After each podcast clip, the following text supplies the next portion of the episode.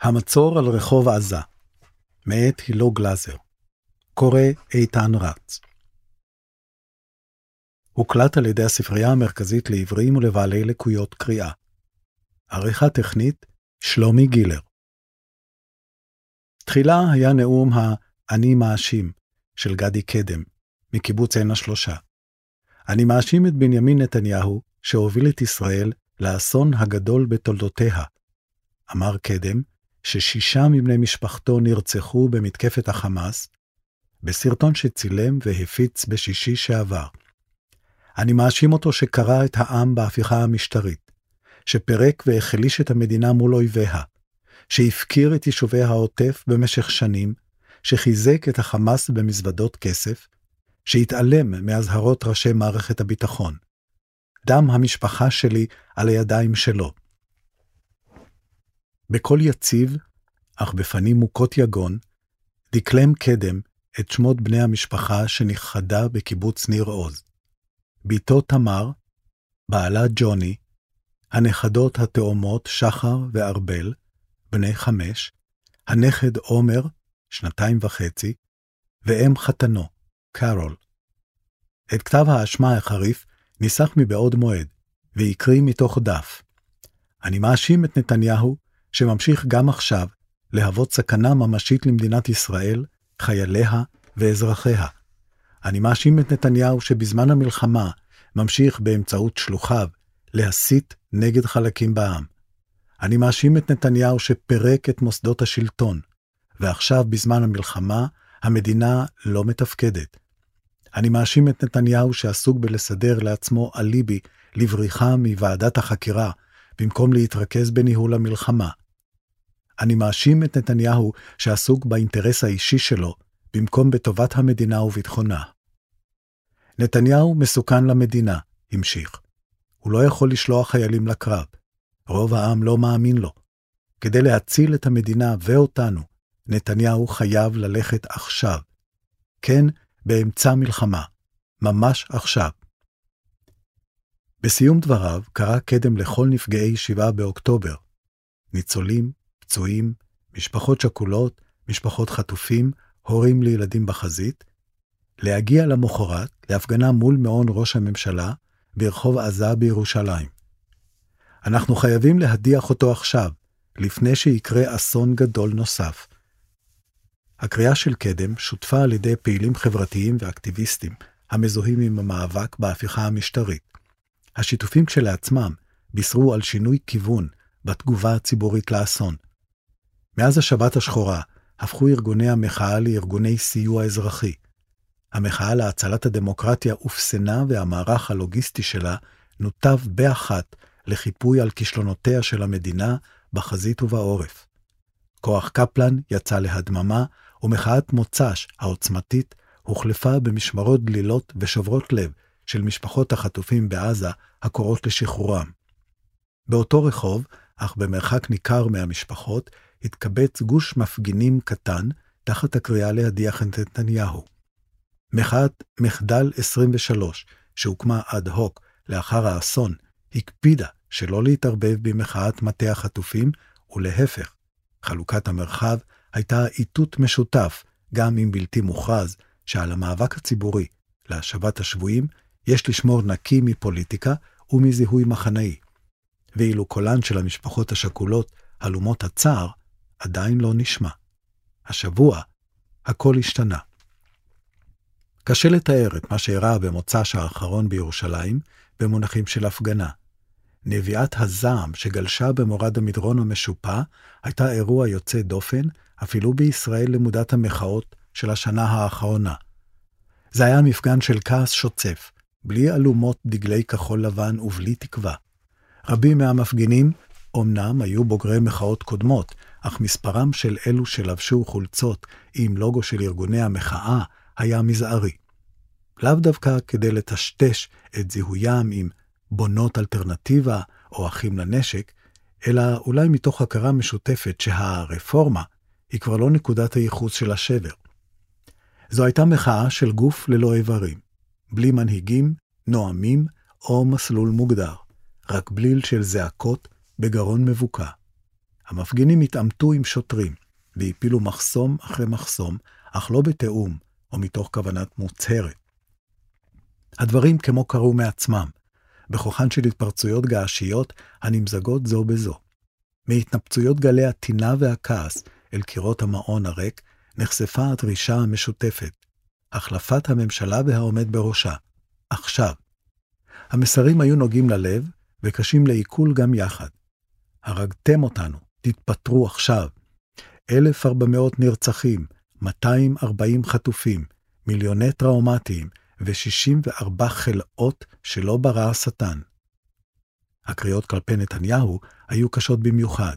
רוצח, בוגד, אין מחילה למלאך החבלה, וכן השוואות לארגוני טרור שאת חלקן גם הנייר לא סובל. בקדמת ההמון, דחוקים למחסום האחרון, עמדו גדי קדם ואשתו ראומה.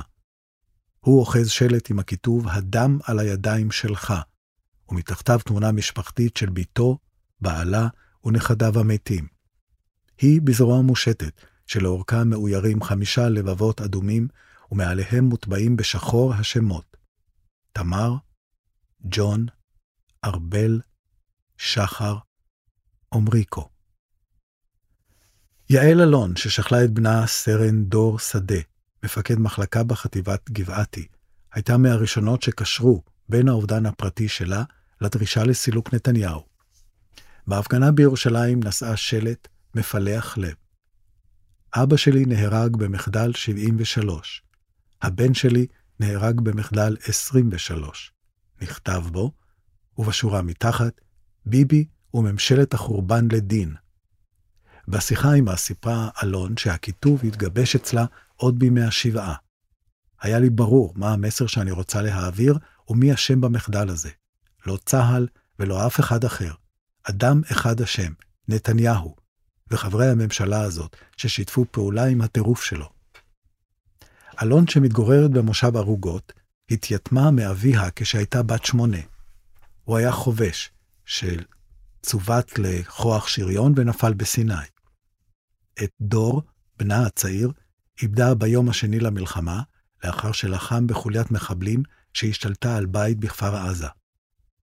מרגע שדור התגייס, ידעתי שזה יסתיים באסון באחד מבין שלושה תרחישים. או שהוא נהרג, או שהוא נפצע, או שהוא הלום קרב. אולי בגלל מה שקרה לאבא שלי, חשבתי שאי אפשר אחרת. גם אמרתי את זה לדור, מתישהו המנהיגים שלנו יצטרכו איזו מלחמה כדי להמשיך לשלוט, ואתה זה שתשלח לקרב כדי למות בשבילם. הוא רק הסתכל עליי במבט של ילד שחושב שכלום לא יכול לקרות לו. כבר שבועיים שאלון מבטאת את מחאתה השקטה דרך הנפת השלט המדובר, לעתים מלווה בביתה שאוחזת בתמונתו של דור.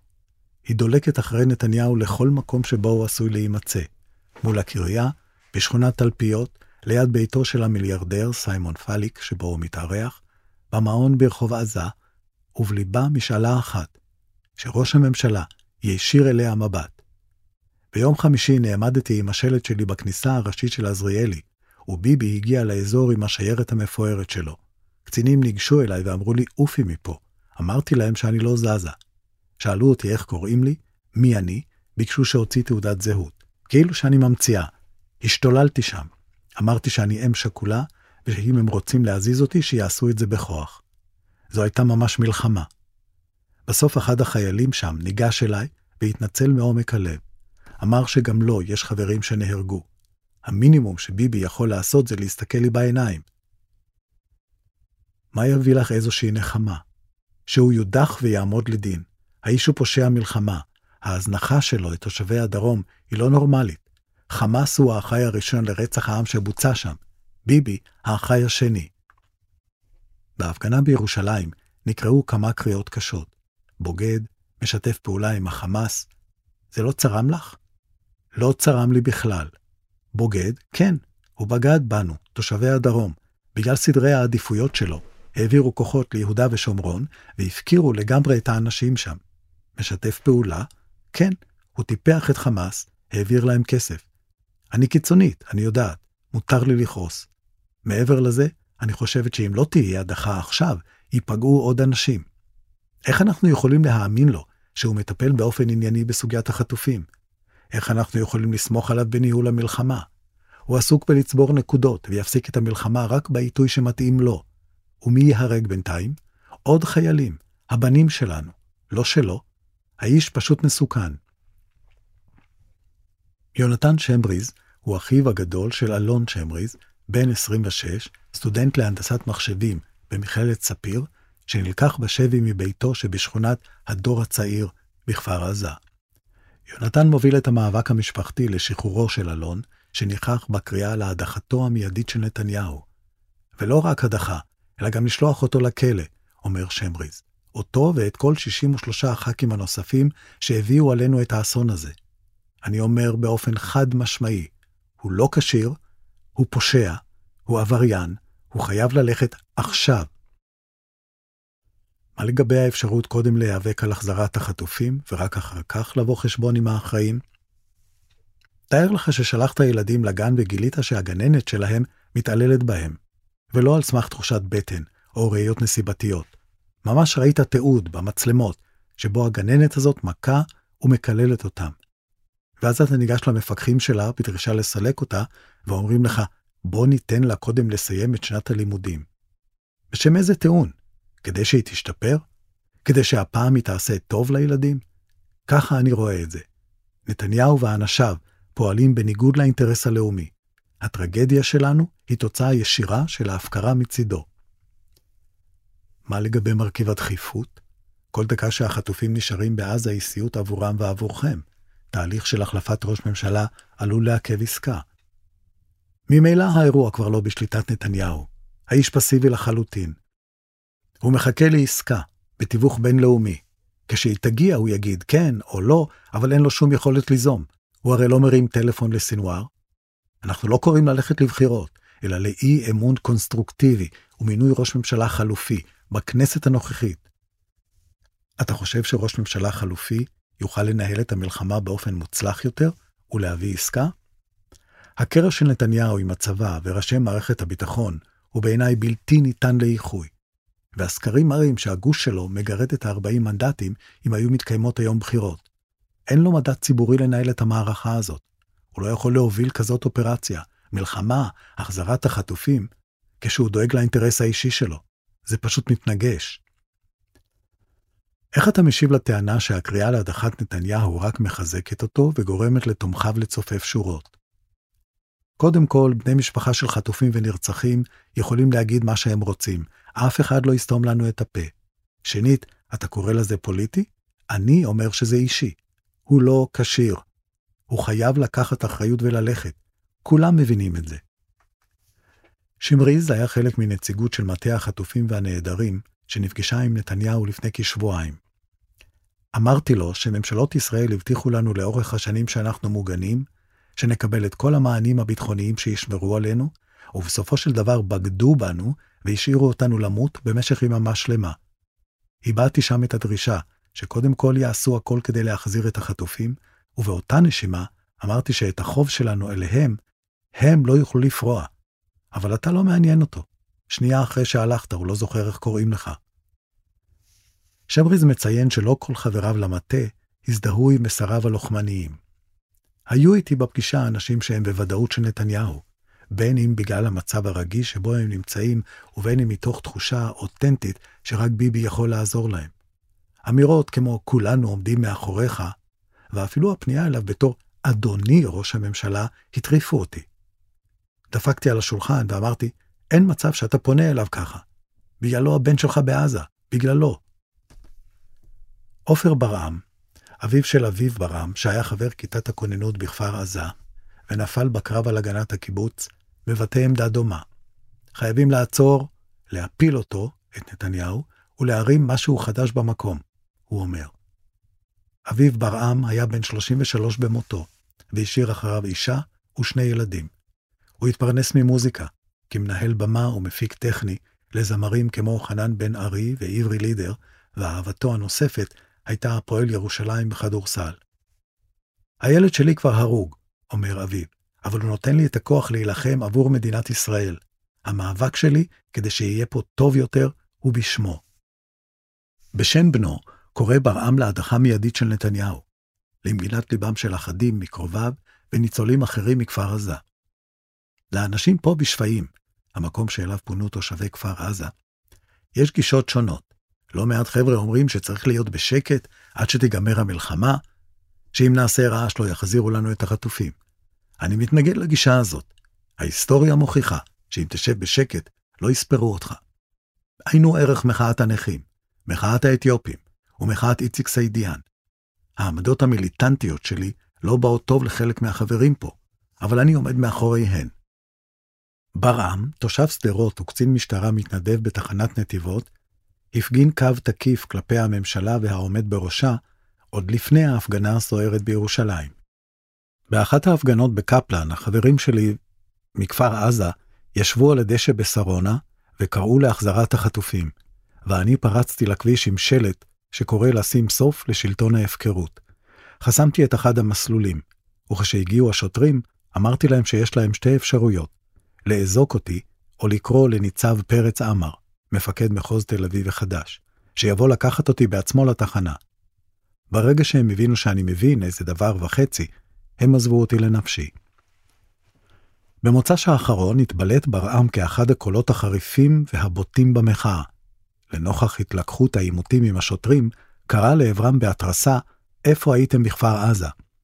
אמירה זו הובלטה בסיקור ההפגנה, ובאתרים מסוימים היא הוצגה כראיה לאובדן העשתונות של השמאל. כעת מסביר ברעם את הרקע לדברים שאמר. התחילה נהירה של מפגינים במורד הרחוב, השוטרים התעקשו לדחוק אותנו אחורה, סוסים בעטו בי, והכל התחיל להתחמם, הוא אומר. צעקתי לעברם שהם פשוט לא מבינים את פקודת המשטרה, שתפקידם לשמור על מפגינים, לא להתנכל להם. על זה היה הכעס שלי, ממש בכיתי. התביישתי שאני חלק מהארגון הזה. מתוך העלבון הצורב צעקתי לאיזה ניצב משנה שם, אתה לא תחזיר לי את המפקד שלי. הרי שוטרי מחוז דרום נלחמו בעוז כדי לחלץ אותנו, תושבי שדרות והעוטף. זו הייתה הכוונה של האמירה שלי. לצד הקריאה שלך, נשמעו קריאות לא פחות קשות. נתניהו תואר כבוגד, רוצח ומחבל. הוא לא בוגד, רוצח ומחבל, אבל הוא לגמרי אשם. דמם של 1,400 ההרוגים על הידיים שלו. הוא זה שהרכיב ממשלה של חדלי אישים. הוא זה שפיצל את המדינה וקרע אותה לרסיסים. הוא זה שנתן לאשתו ולילד שלו להתפרע על חשבוננו. אף אחד לא חולק איתו באשמה. זה הוא, הוא ורק הוא. לא כל ההורים השכולים הזדהו עם אופייה המיליטנטי של ההפגנה. פעיל מחאה ותיק שאיבד את בנו במתקפת חמאס עמד באזור צדדי כאשר הוא מניף את תמונת הבן. נראה היה כי הוא מסתייג מן הקריאות. ההפגנה הזאת הכאיבה לי, הודה למחרת. אמירות כמו ביבי רוצח הן בלתי נסבלות בעיניי, והקריאות נגד שוטרים הן חציית קו אדום. אני אומר בקול ברור, ביבי צריך ללכת, ומוטב עכשיו, משום שהוא גורם נזק. אני מאשים אותו בהמון, בהפקרות, בפלגנות, בשיסוי, אבל לקרוא לו בוגד לא מקדם אותנו בכלום. אסור לנו לאמץ את הרטוריקה של הצד השני. אנחנו צריכים לשמש דוגמה אישית, לבנות את הגשרים, לשאוף לחיבורים. גדעון אביטל אפשטיין, היסטוריון וסופר, הוא ממובילי מחאת מחדל 23, שהתבססה בקפלן בשבועות האחרונים. לדבריו, אין לה קשר מבני או ארגוני למחאה נגד הרפורמה המשפטית, למעט זה שיש אצלנו חברים שלקחו חלק פעיל גם במאבק ההוא. אביטל אפשטיין, שלחם במלחמת יום כיפור, והקדיש חלק ניכר מעבודתו המחקרית והספרותית לקורות המלחמה ההיא, סבור שחייבים להשוות. בניגוד ל-73, איש לא יודע היום מה הרציונל של המלחמה ולאן היא הולכת, ולא בגלל ערפל הקרב, הוא אומר. גולדה ניהלה את המלחמה מתוך דאגה לאזרחי המדינה ולחיילים, כששאלת הדימוי הציבורי שלה משנית לחלוטין, בעוד שהיום לא ברור איפה ממוקם האינטרס הציבורי במערך השיקולים של נתניהו.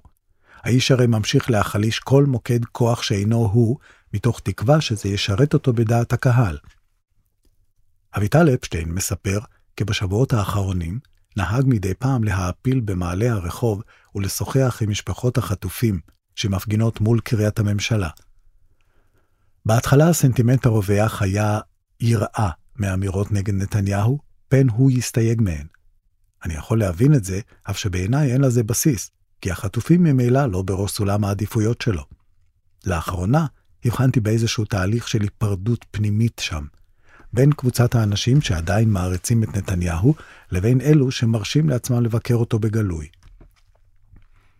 אביטל אפשטיין מקווה לרתום את משפחות נפגעי האסון להצטרף לקריאה להדחת נתניהו. מחדל 23 זו קבוצה פוליטית, הוא מבהיר, לא במובן המפלגתי, אלא מעצם הדרישה להחלפה מיידית של ההנהגה. בינתיים, הוא מספר, ביסס קשר עם פעיל השלום יעקב גודו, שבנו תום נרצח בביתו שבחישופים, מתוך כוונה לשלב זרועות עם המשפחות השכולות שמזדהות עם המסר של מחדל 23. לקראת ציון יום ה-30 למלחמה, יזם גודו הפגנה נוספת בירושלים, תחת הדרישה לשחרר את השלטון לידיים כשרות. בהזמנה שהפיצו, קראו המשפחות לעלות אל הכנסת ולקרוא בקול גדול להדחה מיידית של סוכן הכאוס, בנימין נתניהו, שידיו טובלות בדם הנרצחים, ועל ראשו האחריות לחטופים ולשבויים. באותה הזדמנות הכריזו שיקימו מאהל מחאה מול המשכן, והבטיחו, לא נזוז מהכניסה לכנסת עד שהוא ילך.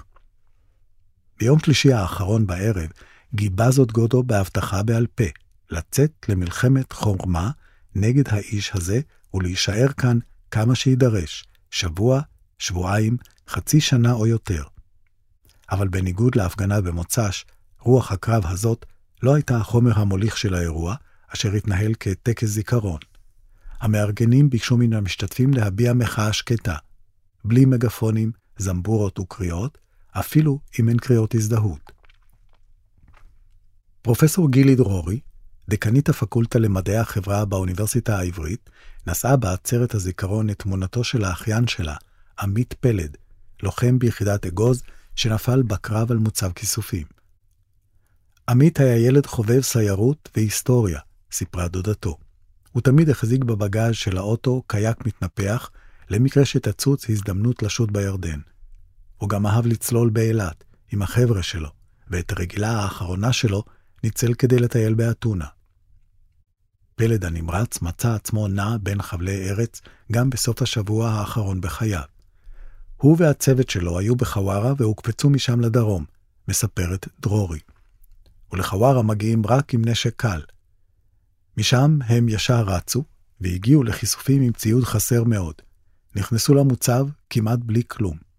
הנחמה המסוימת של המשפחה היא שעמית וחבריו הצילו לפחות 28 תצפיתניות, שתי אזרחיות ותינוק. ועדיין, זוועה. אם יהיה לי כוח, אני אעמוד בצומת אריאל, איפה שאבא של עמית נפרד ממנו בפעם האחרונה, עם השלט שעליו כתוב דמו של עמית על ראשם של הוללי סוכות בחווארה. אז מחדל חווארה הוא הסיבה העיקרית להגעה שלך לכאן? באתי לפה מתוך הכאב ומהזעזוע על כך ש-240 חטופים עדיין נמצאים שם. לגבי חווארה, נורא לא נעים עכשיו למתוח ביקורת על הצבא. אני רוצה לדבר על המדיניות. הפגנתי פה בכנסת לפני עשרה חודשים בנסיבות אחרות. היום לכולם כבר ברור מה המחיר של הריקבון המשילותי הזה, ושהאחראי הבלעדי לו הוא מי ששולט כאן 15 שנה כמעט ברצף.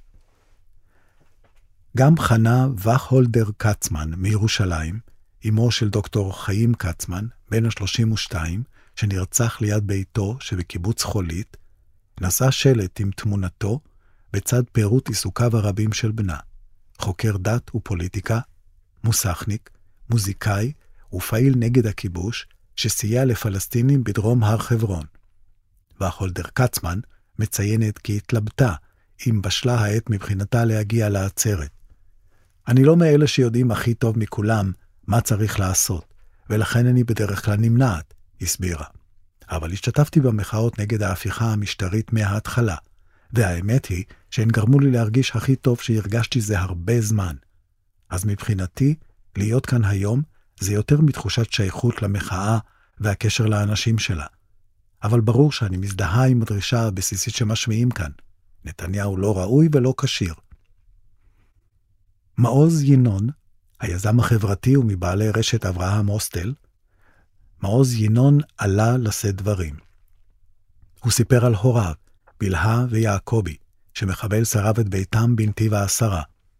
חלפו שלושים מאז שהממשלה בגדה והפקירה את ההורים שלי לצד עוד 1,400 קורבנות ו-240 חטופים, ומאז אין משפחה אחת שנתניהו או נציג ממשלה ביקר אותה. הוא לא היה באף הלוויה או שבעה.